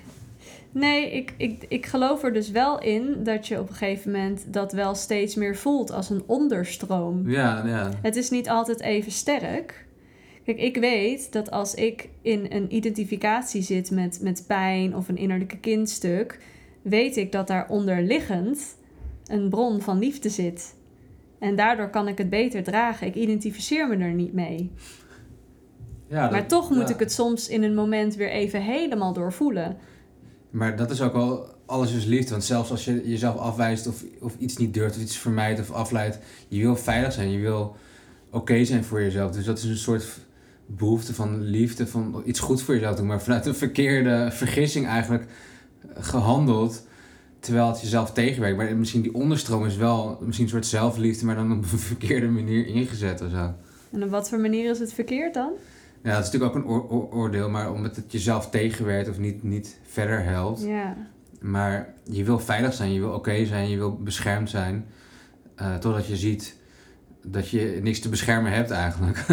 Ja, het begint inderdaad met die basisbehoeften. Kijk, als je dus teruggaat naar eh, je levensloop als baby. Je bent zijn, je bent liefde, je bent licht. En je komt in een wereld wat onveilig voelt. Dus de eerste levensbehoefte is veiligheid en de spiegel dat je liefde bent. Hoe bedoel je Ja. met de spiegel? Nou, dat je dus door andere mensen gedragen wordt, dat je eh, ja, liefde krijgt. Ja. Liefde en aandacht. Ja. Net als plantjes eigenlijk. Ja. ja, En dat hebben wij allemaal nog nodig. Dus op het moment dat jij eh, iets aan wil gaan bij jezelf, een pijnstuk bijvoorbeeld, of iets wat, eh, ja, wat je normaal gesproken uit de weg zou gaan, dan is veilig voelen wel als eerste je basis om naar terug te gaan. Want als jij je niet veilig voelt, dan kan je ook niet uit je comfortzone gaan. Of dan kan je ook niet eh, iets doen wat je spannend vindt. Of iets aangaan met jezelf, er, ermee zijn, observeren. Daarvoor is wel eh, ja, je veilig voelen een prioriteit. Eh, alleen heel veel mensen realiseren zich niet dat ze dat gewoon in hunzelf kunnen voelen. Dat ze dat zelf kunnen dragen eigenlijk. Die En veiligheid. die koppelen die veiligheid aan een ervaring, aan een persoon, aan een middel. Heel vaak wordt eten en drinken ook als een veiligheid ingezet. Of een bepaalde routine, of een bepaalde plek. Altijd naar dezelfde plek gaan of met dezelfde mensen. En daarom is hechting ook zo gecompliceerd. Want als iemand niet meer jou dient, of je voelt je niet meer veilig, maar je hebt je wel lang gehecht aan iemand of veilig gevoeld, dan is het heel erg moeilijk om daar dan los van te komen. Ja, dan, moet- dan ben je op jezelf aangewezen. Je eigen Ja. gevoel van veiligheid. Je Ja, basisveiligheid. Ja, en die heb je heel erg lang eh, ja, ontleend aan iemand anders. Of aan Ja, en dan eh, ontstaat een afhankelijkheid. een, eh, bijvoorbeeld ook met werk. Het is ook gewoon moeilijk voor mensen om ontslag in te dienen. als ze ergens niet meer op hun plek zijn. Want hun werk is hun veiligheid geworden. Ja, dan zijn we risicovermijdend. Ja, ja. Totdat we weer in onze moed gaan stappen en ja, de stem van ons hart kunnen volgen. Om, om daar zit meer het gevoel van vertrouwen in. Dat ja. het opnieuw alweer goed komt. En, ja, eh, en het is ook heel erg belangrijk, dus om je te verbinden met het grotere geheel en de bron. En dat je weet dat je gedragen wordt, dat je Ja. veilig bent. En eh, daarom is het ook wel echt een spiritueel pad. Van, het is niet jij als afgescheiden ikje. Nee, het is jij in een groter geheel van liefde en eenheid. mhm. En je wordt gedragen. Maar je zegt het- het spirituele pad en, en eh, de eenheid en zo. Maar geloof jij er dan in dat, dat, dat je een soort voorbestemd lot hebt hier op aarde? Of dat het allemaal nog totaal open ligt? Of je, je hebt ook veel boeken die gaan over je lotsbestemming en dat soort dingen. Hoe, hoe kijk jij daarnaar? Ja, dat is wel een leuke vraag.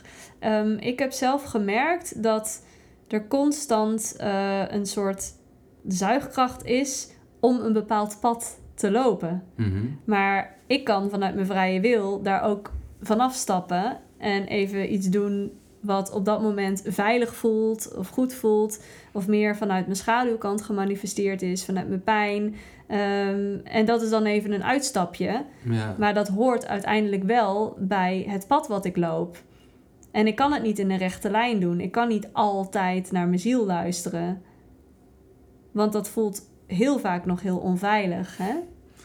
Om altijd naar je ziel, de, de Ja. pad van je ziel eh, te volgen. Ja, maar ik geloof er wel in dat die uitstapjes onderdeel zijn van het grotere geheel. Ja, maar soms moet je even van het padje af om je eigen weg weer te vinden. Precies, ja. Nou, ik heb heel vaak van het padje afgestapt. Ja, Realiserende dat ik dan weer terug op de hoofdweg kon komen. ja, ja. Een boom heeft ook allemaal vertakkingen. Ja, zijtakken en zijsporen. Ja, zijsporen, ja. Maar wat, ja, wie, wie heeft het nou... Ja, dat is ook weer een oordeel, maar... ehm, naar mensen zoals wij die heel veel aan het zoeken zijn geweest... veel paden hebben bewandeld... wordt ook al gekeken van ja, het zijn gevoelige mensen... of die zijn heel erg op zoek. Terwijl mensen die meteen gewoon een rechtlijnig leven leiden... misschien de mensen die je net beschreef... die wel oké zitten, alles wel prima, zijn gangetje. Ehm, terwijl wij hebben ook wel heel veel lijden gehad... terwijl dat, die mensen die dat hebben ver- ver- vermijd, zeg maar... Dus, Soms heb je ook eens de uitspraak, de, de wijsheid is met het domme of zo, die er niet te veel mee bezig zijn, of die er niet over nadenken. Niet te, niet te veel voelen en nadenken. Ja, wie is er nou beter af uiteindelijk? Ik weet zelf het antwoord wel, ik weet het. Niemand is beter af. Kijk, iedereen die doet wat op dat moment goed voelt. En op het moment dat jij eh, ja, voelt van oké, er wringt iets. Ja, dan ga je vanzelf wel eh, zoeken. Je kan ook overdenken en dat is ook niet helpend natuurlijk. Maar ja, de mensen die gewoon een eh tranquilo leventje leiden en die daar gelukkig mee zijn. Nou, good for you. Ja, Maar voor mij werkte dat niet. Ik wist eigenlijk altijd al wel gewoon van oké, ik ben een outcast. En ik ben heel erg hooggevoelig. Ik voel van alles. En eh, ik kom niet op mijn recht in deze wereld. In ieder geval niet de, eh, ja, het huisje, boompje, beestje, eh, school, eh, studie, eh, werken en ga maar naar andermans poppen dansen, zeg maar. Dat werkte voor mij niet. En ik heb dat op Nee. een pijnlijke manier moeten ervaren. Maar Ja, dat is natuurlijk een, dat is een individueel pad. ja. En iedereen loopt zijn eigen unieke pad. Iedereen gaat zijn eigen weg, ja. Ja. Ja, je noemt alweer een thema, dat hooggevoeligheid. Daar kunnen we natuurlijk ook nog uren over ja. doorspreken. Ehm, maar ik denk ook dat er wel veel luisteraars zijn die zich misschien daarin kunnen herkennen. Van hooggevoeligheid, HSP. Het is best wel een thema wat ik in ieder geval steeds meer hoor. Ehm, ja, hoe ervaar jij dat om HSP'er te zijn? ja, ja. Het, het voelde heel erg lang alsof ik gewoon met wie ik werkelijk was niet thuis kon komen in deze wereld. Ehm, ik was altijd heel erg creatief, altijd heel erg empathisch. Ik kon altijd gewoon in het moment heel erg afstemmen op de persoon. Maar ik pikte ook heel veel emoties en angsten en in de energie van iemand van alles op. En eh, zeker als kind, daar kwam ik later achter hoor. Als kind had ik dat natuurlijk niet zo door. Heb ik heel veel spanning opgeslagen van prikkels, van emoties van anderen, onderdrukte angsten van mijn ouders. En eh, kreeg ik het gevoel, ik ben niet goed genoeg. Want ik draag van alles bij me eh, zonder dat ik het door heb. En ik voel spanning en ik voel me niet goed. Eh, dus ik zal wel niet goed genoeg zijn. Hmm. En eh, ja, ook op school ben ik altijd heel erg me gaan richten op eh, vriendjes en vriendinnetjes en het sociale. En ja, daar kon ik mijn ei in kwijt. Maar dat was ook omdat ik dan het gevoel had dat ik ertoe deed. Ja, en ik had altijd Ja. hulp nodig op school. Weet je, allemaal die, die rationele vakken en in de boeken. En ik was gewoon een, eh, een creatief, eh, blij ei. Ja, ja, ja. En eh, ik had daar niet zoveel mee met die, met die rationele vakken allemaal. Dus Nee, ik heb altijd, ik heb altijd extra hulp gehad, huiswerkbegeleiding. En ehm, ook op de middelbare school had ik altijd ja, extra hulp. En ik heb gewoon gedacht van er is iets mis met mij of zo. Maar had je dan ook dyslexie of leer- en spellingsproblemen, dat soort dingen? Nee, dat niet. Ik had wel dyscalculie. Dus dat Ah, ja. betekent eigenlijk ja, is dyslexie, maar dan met cijfers. Dat is heel slecht in rekenen en Ja, ja, beta-vakken en zo. Ehm, maar ik leunde altijd heel erg op mijn ouders en ik stelde hun altijd alle vragen. En ik vond eigenlijk de wereld ook veel te eng. En alsof ik er niet in thuis hoorde of zo. Maar begreep je de wereld dan niet op dat moment? Nee, nee. Ja. En ik had altijd heel erg de verbinding ook met het spirituele. Ik weet ook nog dat ik ook eh, van die fantasie vriendjes of vriendinnetjes had. Nou ja, later hè, realiseerde ik me gewoon, ja, maar dat was echt mijn beleving. Ik kon echt contact maken met de astrale wereld, met energieën, met geesten. Eh, en dat weet ik omdat ik dat nu weer eigenlijk herontdekt heb. Maar ik, ik heb me daar heel lang voor geschaamd. Ik kon daar niks mee. Ik voelde me Hmm. niet begrepen door mijn omgeving. En ik denk dat heel veel hooggevoelige mensen zich hierin herkennen. Dat ze een pad hebben gelopen waarin ze niet helemaal zichzelf konden zijn. En dat ook hun gaven en talenten niet echt ruimte kregen. Omdat ze zich gingen aanpassen, bedoel je? Ja, het zijn vaak hele eh, ja, empathische mensen. Heel erg in verbinding met hun gevoel, met het hogere bewustzijn, met hun creativiteit. Eh, moeite hebben met aarde ook. Hè? Ja. Dat zie je ook heel vaak. grond. Ja. Veel in hun hoofd zitten. eh, ja, en dat is ook eigenlijk wel een passie die ik heb om hooggevoelige mensen meer in hun lichaam, in het vertrouwen, meer contact met de aarde te brengen. Eh, omdat ze eigenlijk vanuit vroeger een soort van beschermingsmechanisme hebben aangenomen door in hun hoofd te gaan zitten. Omdat het te spannend was om te voelen en al die indrukken die ze, die ze binnenkregen en al die valse overtuigingen die zijn ontstaan over dat ze niet Ja, goed genoeg ja. zijn. Dus als copingmechanisme ga je dan meer in je hoofd. Want je, je, in je lijf pik je veel signalen uit je omgeving op. En je neemt spanningen en emoties van anderen over. Dat sla je op. Ja, Is niet veilig, dus ga je meer in je hoofd zitten. Zeg. ja, ja, precies. Ja. is wat je heel veel ziet en dat heb ik zelf ook meegemaakt. Ja. ja, ik herken het wel. Ik vraag mezelf wel eens af in welke mate ben ik hooggevoelig. Eh, ik pik ook heel veel sferen of emoties op van anderen. Ik was als kind heel erg gevoelig voor stemming of sferen in de groep of voor anderen.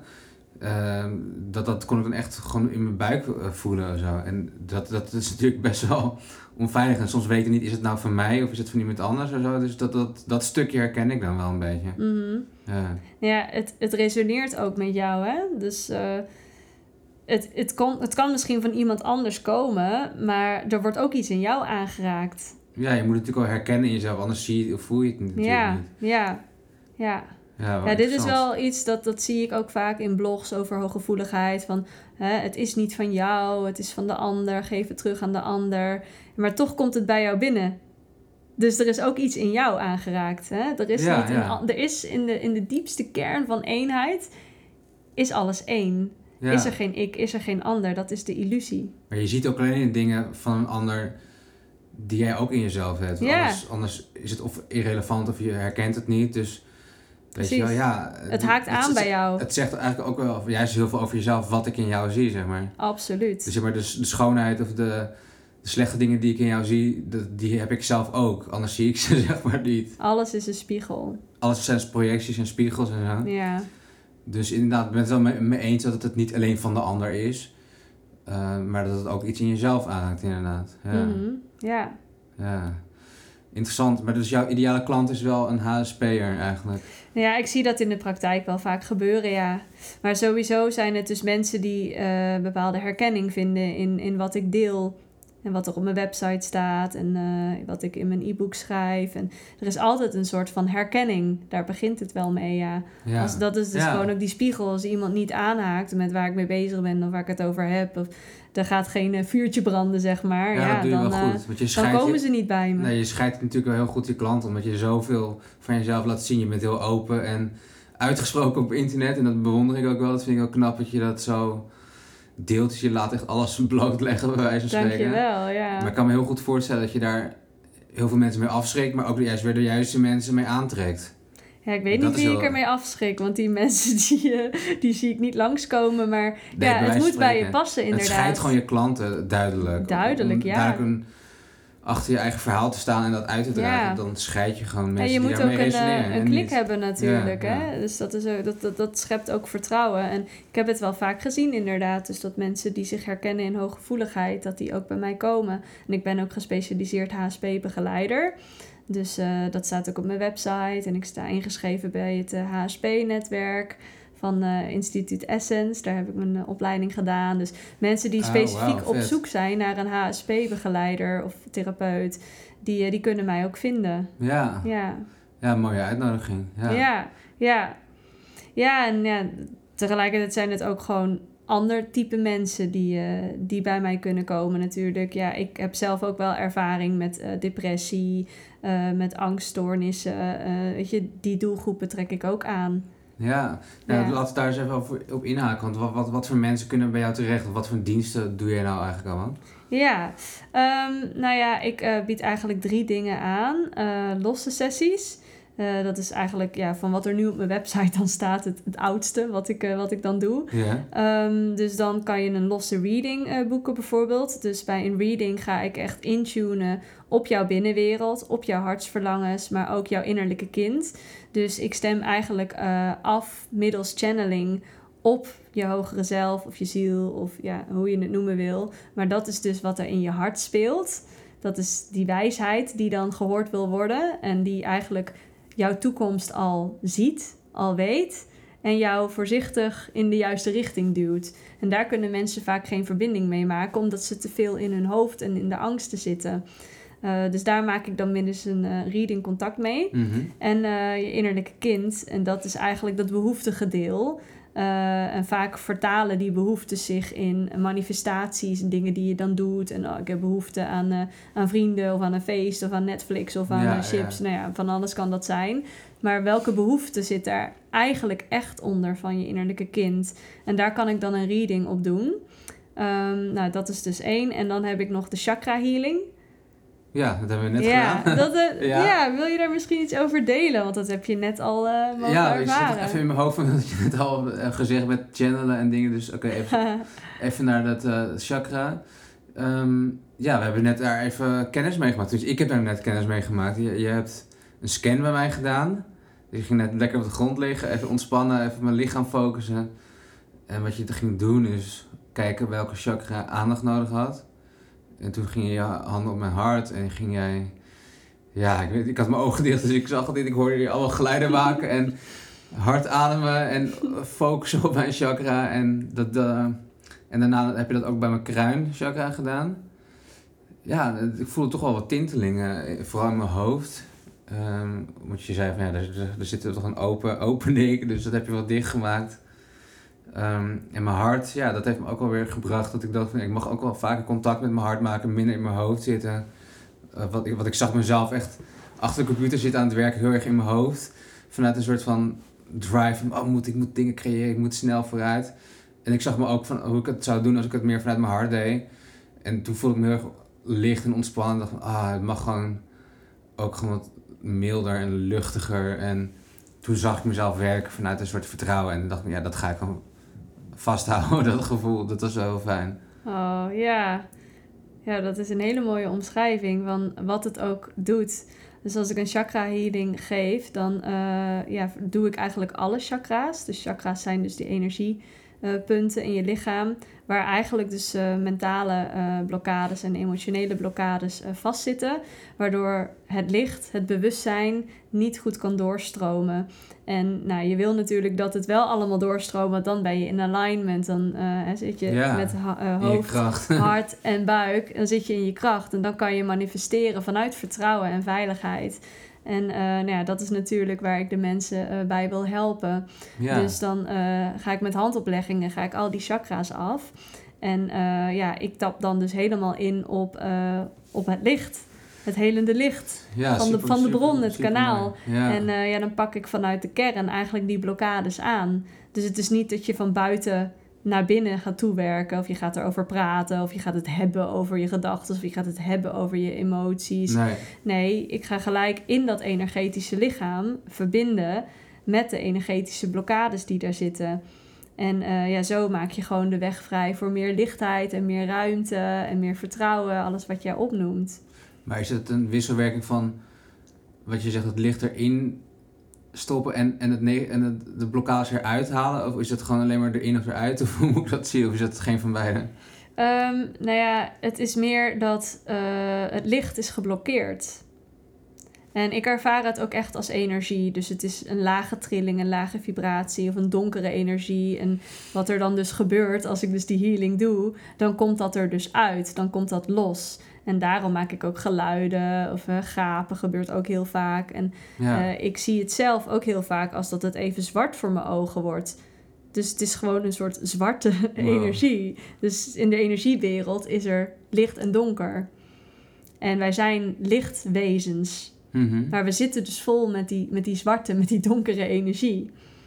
En uh, om dat concreet te maken, dat zijn dus je angsten en uh, die pijn en je schaduw, dat, ja, je schaduw. En dat komt er dan op dat moment uit. Dus als ik dat bij alle chakras heb gedaan en overal stroomt weer licht, dan voelen veel mensen zich vaak herboren gewoon. Ja. ja. je moet het echt zelf ervaren. Ja. Ik ben van nature vrij uh, analytisch of sceptisch ook wel. Oh, en uh, ja, maar ik sta er zeker wel voor open. Maar als je zo zegt van net van dat, channelen en een reading doen, yeah. zit er ook een soort van weerstand in mij. Dat, dat ik denk meteen me afvraag van ja, wanneer is het nou echt dat jij die beelden ziet? Of wanneer is het nou fantasie? Of dat het een soort van eigen projecties zijn? Hoe weet je nou of het nou waar is of niet? Dat, je, dat soort dat is echt mijn kritische brein die allemaal dat soort dingen erbij voelt of denkt. Ja, nee, dat snap ik. Dat is heel erg logisch. Um, nou, het is sowieso een ervaring waarin ik niet denk. Dus mijn kanaal staat helemaal open om te ontvangen wat ik in de energie mag ontvangen. Dus op het moment dat ik met jouw energie verbind, dan zit ik al voorbij het mentale en emotionele lichaam. Maar gebeurt er dan ook wel eens dat je dan niks meemaakt? Je denkt van, hey, ik, ik, er gebeurt even niks of ik voel niks of het, is, het werkt vandaag even niet. Kan dat dan ook? Nee, dat gebeurt eigenlijk nooit. Nee. dat is wel een zegen dan. nee, dat gebeurt eigenlijk nooit, ja. Ja. En de derde dienst, die, uh, want je hebt nu twee ja. genoemd van de drie. Ja, nee, de derde dat is intuïtieve massage. En uh, dat doe ik eigenlijk niet meer zo heel vaak, maar ik heb het wel nog op mijn website staan, omdat ik wel nog mensen de kans wil geven. Maar dan werk ik eigenlijk ook intuïtief met blokkades in het lichaam. Maar dat kan ook op hele andere plekken uh, vastzitten. Ja. Dus dan ga ik eigenlijk gewoon het hele lichaam losser maken, zodat er meer oh, licht, meer energie kan doorstromen. En dat is ook wel hè, toegankelijker, hè? want heel veel mensen die vinden een reading of een healing dan te zweverig. Dat is natuurlijk allemaal oordeel, hè? want die mensen die weten niet hoe het werkt. Maar ja, fair enough. Dan, die mensen die kunnen dan een massage gaan doen. En wie weet raakt ze dan wel geïnspireerd of open voor iets anders. Dat is ook wel eens gebeurd. dat inderdaad mensen beginnen met een massage en dat ze dan daarna een healing willen ondergaan. Kan ik me wel voorstellen. Ja. ja, maar eh, dit zijn dan dus de losse sessies. Maar wat ik dus gemerkt heb, is dat ik het eigenlijk op een gegeven moment ook niet meer fijn vond om telkens maar één iemand te zien en dan weer afscheid te nemen. En dat ik heel erg graag iemand langer op zijn pad wilde begeleiden. En echt toch dat therapeutische stukje er ook weer bij halen. En echt die diepgang. En ook te kijken van, oké, hoe kan je je bewust worden van je patronen? En uh, die chakra's, die staan ook allemaal ergens voor. Er zitten bepaalde levensthema's aan verbonden. En ik merkte dat ik daar wat meer mee wilde. Dus dat ik eigenlijk meer ook therapeutisch wilde werken, als ook lichaamsgericht en met die healing. En toen is dus een eh, traject ontstaan, dat eh, is uh, alweer anderhalf jaar geleden. Het pad Mhm. naar jezelf dus. Ja, en eh, daarin combineer ik dus eigenlijk die coaching, die reading en die healing in een heel traject. Waarbij we eh, per sessie eigenlijk met, eh, met één chakra specifiek de diepte ingaan. Coaching, healing en reading. Ja. Mooi. ja, dus de eerste twee sessies dat zijn readings. Dus ik begin met een reading van je hogere zelf, met je hartsverlangen. En de tweede sessie gaat over een reading met je innerlijke kind. Dus daar zitten vaak je blokkades, je pijn, je beperkende overtuigingen, je saboteurs dus. En dan daarna gaan we dus per chakra gaan we dus eh, ja, een bewustzijnsreis maken. En daar heb ik dan ook een werkboek bij geschreven. En de mensen maken dan zelf opdrachten uit het werk. Ja, dus daar staat ja. informatie in over de chakra's. Dus per chakra een hoofdstuk met informatie. En hoe kan je eh, herkennen wanneer er disbalans is, wanneer die in balans zit en welke stappen kan je dan eh, ondernemen. Dus er Ja. staat ook heel veel informatie in. Mooi. En de oefeningen. En die oefeningen die doen ze dan eh, ja, in hun eigen tijd. Dus elke week, ja, tenminste als het uitkomt in iemands agenda, soms zitten er twee weken tussen, dan besteden we dus aandacht aan eh, één specifiek chakra. Mooi traject. Ja. En eh, je gaat het ook meer in groepen doen, hè, geloof ik. Ja, eh, ja dat is ook. dus nu de volgende stap. Dus ik heb het nu anderhalf jaar zo aangepakt. En nu merk ik gewoon, de hele energie is er gewoon naar om meer samen te komen en samen te doen. En weet je, we staan er niet alleen voor. En Ja, ik merk toch, als ja. ik dan in een sessie ben, dan iemand voelt zich wel vertrouwd bij mij. En die voelt dat alles er mag zijn. En al zijn kwetsbaarheden en zijn kracht. En ik geef soms ook wel blijk van, hé, hey, dit herken ik. En maar ondertussen zitten ze ook gewoon vaak weer in een, in een eigen bubbel, in een eigen wereld, waarin ze dat niet echt kunnen ventileren. En ik merk gewoon eh, dat er heel veel kracht zit in samen zijn met wat er is. En elkaar motiveren Ja. Om Ja, in je mooi. kracht te komen. En Ja, daarom heb ik dus nu een groepstraject gelanceerd. Dus het is een beetje dezelfde werkwijze. Hè? Het gaat dus per chakra weer, bewustwording en heling. En eh, het is voor mij ook heel erg interessant om te zien wat gebeurt er als ik me niet op een individueel chakra afstem, maar op het groepschakra. Want dan pak ik gewoon de problemen tussen haakjes, de blokkades van al die mensen tegelijkertijd aan. En dat is een enorm groot krachtveld die zich dan opent. Mooi. Ja, ik kan me dat wel voorstellen dat het heel prettig is om een klankbord te hebben in de groep en dat je het ook kan Ja. delen, dat je het van verschillende Ja, invalshoeken... we hoeven het niet meer kan alleen zien. te doen. Ja. Die tijd zijn we wel gepasseerd. Want je kan heel erg leren van andere mensen hun verhaal of andere mensen hun proces. Daar kan je weer zelf dingen in herkennen. En Mhm. iemand is misschien heel moedig om iets te delen en dan ga je ook weer eerder wat delen. Dus Ja, je kan mooi. elkaar ook gewoon echt helpen Elkaar daarbij. dragen hè? daarin, elkaar dragen. En soms durven we iets niet alleen. Maar als we support voelen van een groep, dan durven we het. Dan voelen we Ja. ons bekrachtigd. ja, Dan stappen we uit de overtuiging dat we het niet kunnen of niet waard zijn. En die herkenning is zeker heel belangrijk. ja. En wat misschien niet per se een dienst van jou is, maar dat noemde je net wel, dat je ook af en toe spaceholder bent. Eh, ja, Wat, ja. wat eh, houdt dat in voor jou? Ehm, ja, Spaceholder, dat heb ik zowel bij tantra-workshops gedaan... als bij mantra-circles, als bij ecstatic dance. En Spaceholder betekent ook eigenlijk dat je dus de energie bewaart. Dus je bent daar om ervoor te zorgen dat mensen zich veilig voelen... en gedragen voelen in warmte en liefde... dat ze zichzelf mogen zijn in wat ze tegenkomen, in hun zijn, in hun expressie. Mooi. Dat is een Spaceholder, ja. Ja, ja. Maar doe je dat ook wel eens bij, of wil je dat ook bij, bij guided tripping doen, dat soort dingen? Ja, goeie dat je dat zegt. Dat vergeet ik te zeggen. Ik heb eh, mensen ook begeleid met eh, medicinale eh, ceremonies, met, met truffels bijvoorbeeld. Ik heb gewerkt bij Psychedelic Insights Hmm. als spaceholder, als trip-sitter. Zo heet Ja, het dan, ja, tripsitter. tripsitter, Ja, ja, ja. Dus dan gaan mensen helemaal in de kwetsbaarheid, in hun schaduw, om bij het licht te komen. Dus dan gaan ze eigenlijk hun oude pijn en wat in hun cellen zit opgeslagen, gaan ze helen of ze komen tot inzichten en bewustzijnsverruiming. En eh, wij bieden dan eigenlijk eh, de veilige ondersteuning. En eh, ja, als ze daarin iets tegenkomen of ze hebben iets nodig, dan zijn wij er voor ze. Mooi. Ja, Mooie dingen die je doet. ja. Inspirerend, ja. Ja, inmiddels doe ik dat niet meer hoor, maar dat heb ik ook anderhalf jaar of zo gedaan, tripsitting. Ja, Ja, ja. je hebt een hoop gedaan. Je hebt een hoop ontdekt, een hoop geproefd. Ja. En eh, heb je nu al je eigen hartsverlangen helemaal gevonden? Of ben je ook nog steeds aan het verkennen wat het nou echt is? Of is dit nu wat je doet echt wel voorlopig je ding? Eh, ja, ik merk dat het voor mij heel erg belangrijk is om het ook echt heel erg in het nu te voelen. En dat het niet iets is wat vaststaat of zo. Ja, En mooi. eh, ik voel hem dus wel, eigenlijk wel de hele tijd ook. Ik kan me er gewoon wel mee verbinden. Alleen ik vind het soms ook heel spannend om het te volgen. Want er komt ook angst dus bij kijken. Ja. Ja, om echt helemaal mijn eigen weg te gaan. En dat is nog steeds ook wel een pijnpunt bij mij. Omdat ik me Ja, altijd al wel ja. een soort van anders heb gevoeld. En ja, dan ga ik me bezighouden met healing en met reading en met channeling. en Ik vind dat je daar al heel ver in bent. Want je draagt het al erg uit, vind ik. En eh, ik heb die angst ook wel een beetje, want ik doe natuurlijk loopbaancoaching met een spiritueel tintje en een psychologisch tintje. Maar ik heb, ik heb wel eens het gevoel van ik zou veel meer ook met, met, het, met, het, met, ja, met het innerlijke wereld willen doen. En veel meer de spiritualiteit er nog in brengen. Maar dat, dat, ik weet niet zo goed. Ja, er zit ook een angst in van mensen vinden het raar. Of ik ben ook altijd al anders geweest. Of mensen vinden me zweverig. Of ja, mensen trekken dat niet. Of zo, weet je, allemaal weer dat soort domme gedachten. Maar het verlangen zit er eigenlijk wel. Ja, en het zijn geen Ja. domme gedachten. Hè? Dat is Nee, natuurlijk een, een oordeel. Maar ja, dat mag er ook allemaal zijn. Dat je dat gewoon waarneemt. Het zijn allemaal die gedachten vanuit angst voor Ja. afwijzing. En uiteindelijk, en dat merk ik door steeds meer naar binnen te keren. Ook als ik dus merk van oké, ik voel nu een impuls vanuit mijn hart. Maar er zit nog een blokkade. Er zit nog een beperkende overtuiging en een angst op.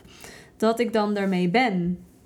Als Ja, ik het signaleer, en daarom is bewustzijn is key. Als je het signaleert, kan je ermee zijn. En dan kan het zichzelf weer losmaken. En dat is dan wat ik dus doe. Dan ga ik naar binnen keren en dan leg ik een hand op mijn hart, een hand op mijn buik. Ga ik ademen. En ja, dan gebeuren er dus ook wel loslaatmechanismes, hè zoals Ja, trillen ja. of gapen. Of soms komt er ook een huilbui uit. Ja, wat, dan, dan, wat gaan we ontstaan dan is dat verdriet wat, Ja. wat, eh, wat ik loslaat. Nou ja, Release. ik wil het eruit hebben inderdaad. Ik wil dat niet bij me dragen. Ik wil mezelf bevrijden van dat lijden. Ja, Ja, ik neem mezelf ook voor om dat vaker te doen. Veel meer het contact met het lijf te maken, omdat ik voel wat het me gaat opleveren. Maar tegelijkertijd, wat mij ook helpt, is om mijn waardes helder te hebben. Dus bijvoorbeeld, mijn waarde is eh, vertrouwen en succes en plezier bijvoorbeeld, noem maar even wat. En als het dan moeilijk wordt, als ik even bang ben en denk van, ah kut, ik zou dit meer willen doen. Of ik heb de hele tijd van die lastige gedachten erbij. Waarom ik het wel of niet zou doen. Of ik zit heel erg in mijn oordeel of heel erg in mijn twijfel. Dan kan ik weer naar die waarden schrijven ja, maar wat vind je nou echt belangrijk? Ja, vertrouwen vind ik belangrijk, groei, succes vind ik belangrijk. Nou, wat, wat kan je dus vanuit die waarden dan creëren?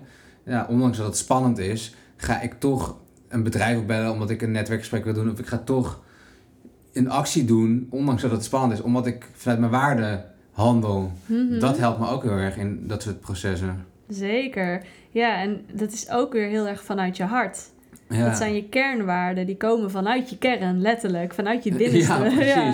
En dat is dan ook die innerlijke motivatie. En ik spoor wel iedereen aan om dat dan dus ook te voelen. Van wat zijn inderdaad mijn waarden? En komt dat vanuit eh, pijn of komt dat vanuit mijn hart? En vanuit vertrouwen geeft me dat vreugde, Zeker. blijdschap. Ja. Dat zijn wel eh, goede gaatmeters. Ook om te checken van hé, hey, waar komt eigenlijk die waarde vandaan? Of waar komt mijn impuls tot handelen vandaan überhaupt? Hè? Ja, want het is niet altijd eh, vanuit je hart of vanuit die waarde. Want soms is het vanuit waar we het over hadden, vanuit bewijsdrang of Ja, vanuit pijn. eh, iets willen krijgen van de buitenwereld. Hè? En eh, Ja. het is goed om dat helder te krijgen. Want ja, kijk maar naar de corporate wereld. Wil je nou echt die topmanagement functie waar, waar je een Tesla bij krijgt en heel veel mee verdient? Wil je dat echt vanuit je hart? Of wil je dat omdat het jouw idee is van het per- perfecte plaatje en succes? Mhm. Ja, ik, ik vraag me dat wel eens af, weet je wel. Wat- of, je, Ja. of je het nou echt verlangt in je hart, dat je daar echt gelukkig ja, van wordt. het is interessant, want eh, we worden natuurlijk ook heel erg door eh, het kapitalisme en het consumeren gestimuleerd om ons geluk uit kopen te halen. Hè? Exact. En meer en meer. Dat en een groter huis, grote auto. En, maar dat is allemaal vergankelijk. Ja. Want wat als je daar je leven lang mee bezig bent om dat na te jagen en eh, je auto wordt gestolen of je huis vliegt in brand? eh, ik noem maar wat, hè. Dat kan gebeuren. Maar ja, wie ben je dan nog? Wat heb je dan nog? Ja. Ben je dan nog gelukkig?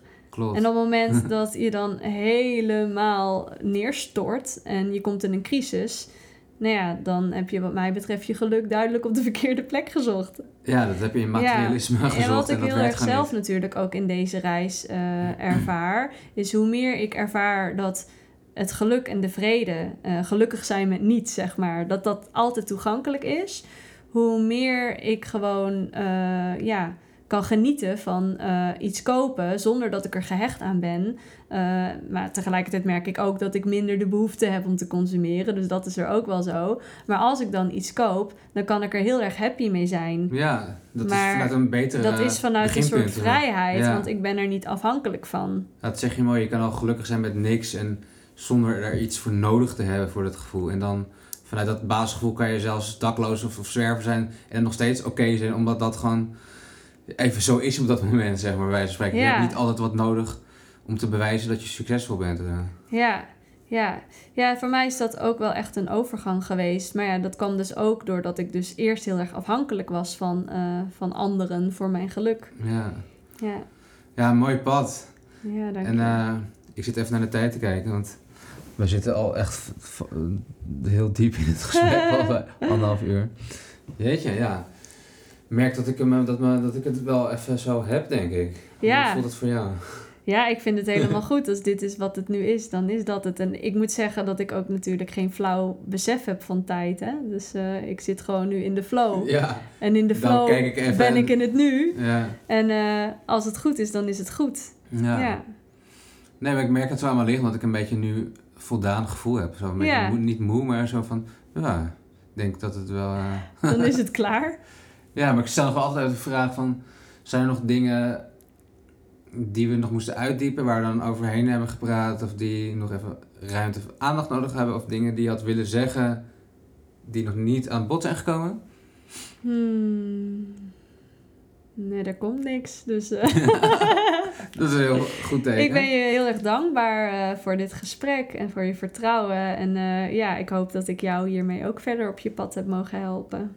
Ja, absoluut. En uh, ik vond het heel inspirerend en het heeft me ook wel weer dingen, het heeft bij mij weer dingen aangezet of aangewakkerd. En ja, ik vind het heel mooi. Want ik was altijd al een beetje op zoek naar meer dat contact met het lichaam of lichaamswerk. Ik vond dat super interessant, maar ik wist nooit zo goed hoe ik dat zelf kon uh, gebruiken of zo. Maar je hebt het heel praktisch en duidelijk uitgelegd, waardoor het ook meer, dat ik het ook meer voor me zie. Ik denk dat, dat de mensen die hier naar luisteren, kunnen hier ook wel weer tips uithalen en weet zeker dat mensen ook geïnspireerd hierdoor zijn en weer met contact, of in ieder geval de intentie hebben om weer meer het contact met zichzelf te gaan verdiepen, lichamelijk ook, en die stilte op te gaan zoeken. Ik denk dat dat een heel mooi, mooie intentie is voor, voor mezelf, maar ook voor de luisteraar van zoek weer even die diepe stilte op.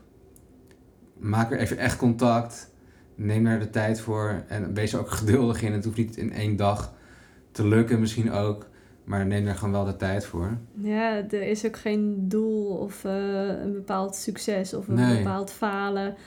Zijn met wat er is en liefde. Ja, gewoon gewaar zijn geven. van jezelf. Ja, en, en, en, ja dat is de oefening. Met elk moment ja. tevreden kunnen zijn in het nu. En vertrouw op je hartsverlangen. Zeker, ja. Ja. Hmm. ik vind het een hele mooie boodschap om mee af te ronden. Ja, en het leven is ook speels en vreugdevol. En er bestaat niet zoiets als goed of fout of falen. Ja. Dat zijn allemaal uh, We nemen dat soms veel te serieus. allemaal geloofssystemen. Ja. Dus je mag af en toe best wel om jezelf lachen en om je ego en om je angsten en om je verlangens. Lach gewoon af en toe wat vaker om jezelf en bekijk het Gewoon de warboel van mens zijn en uh, alles wat je daarin tegenkomt. Het is gewoon één groot avontuur. We zitten allemaal in hetzelfde schijntje. Ja, precies. ja. Bedankt voor het luisteren, lieve luisteraars. En uh, check de website van Immy. Kan je die nog even noemen? Wat is het ja, ook Ja, www.jouwgelukcentraal.nl Yes. Oké, tot de volgende podcast. Dankjewel. Doei. Doei.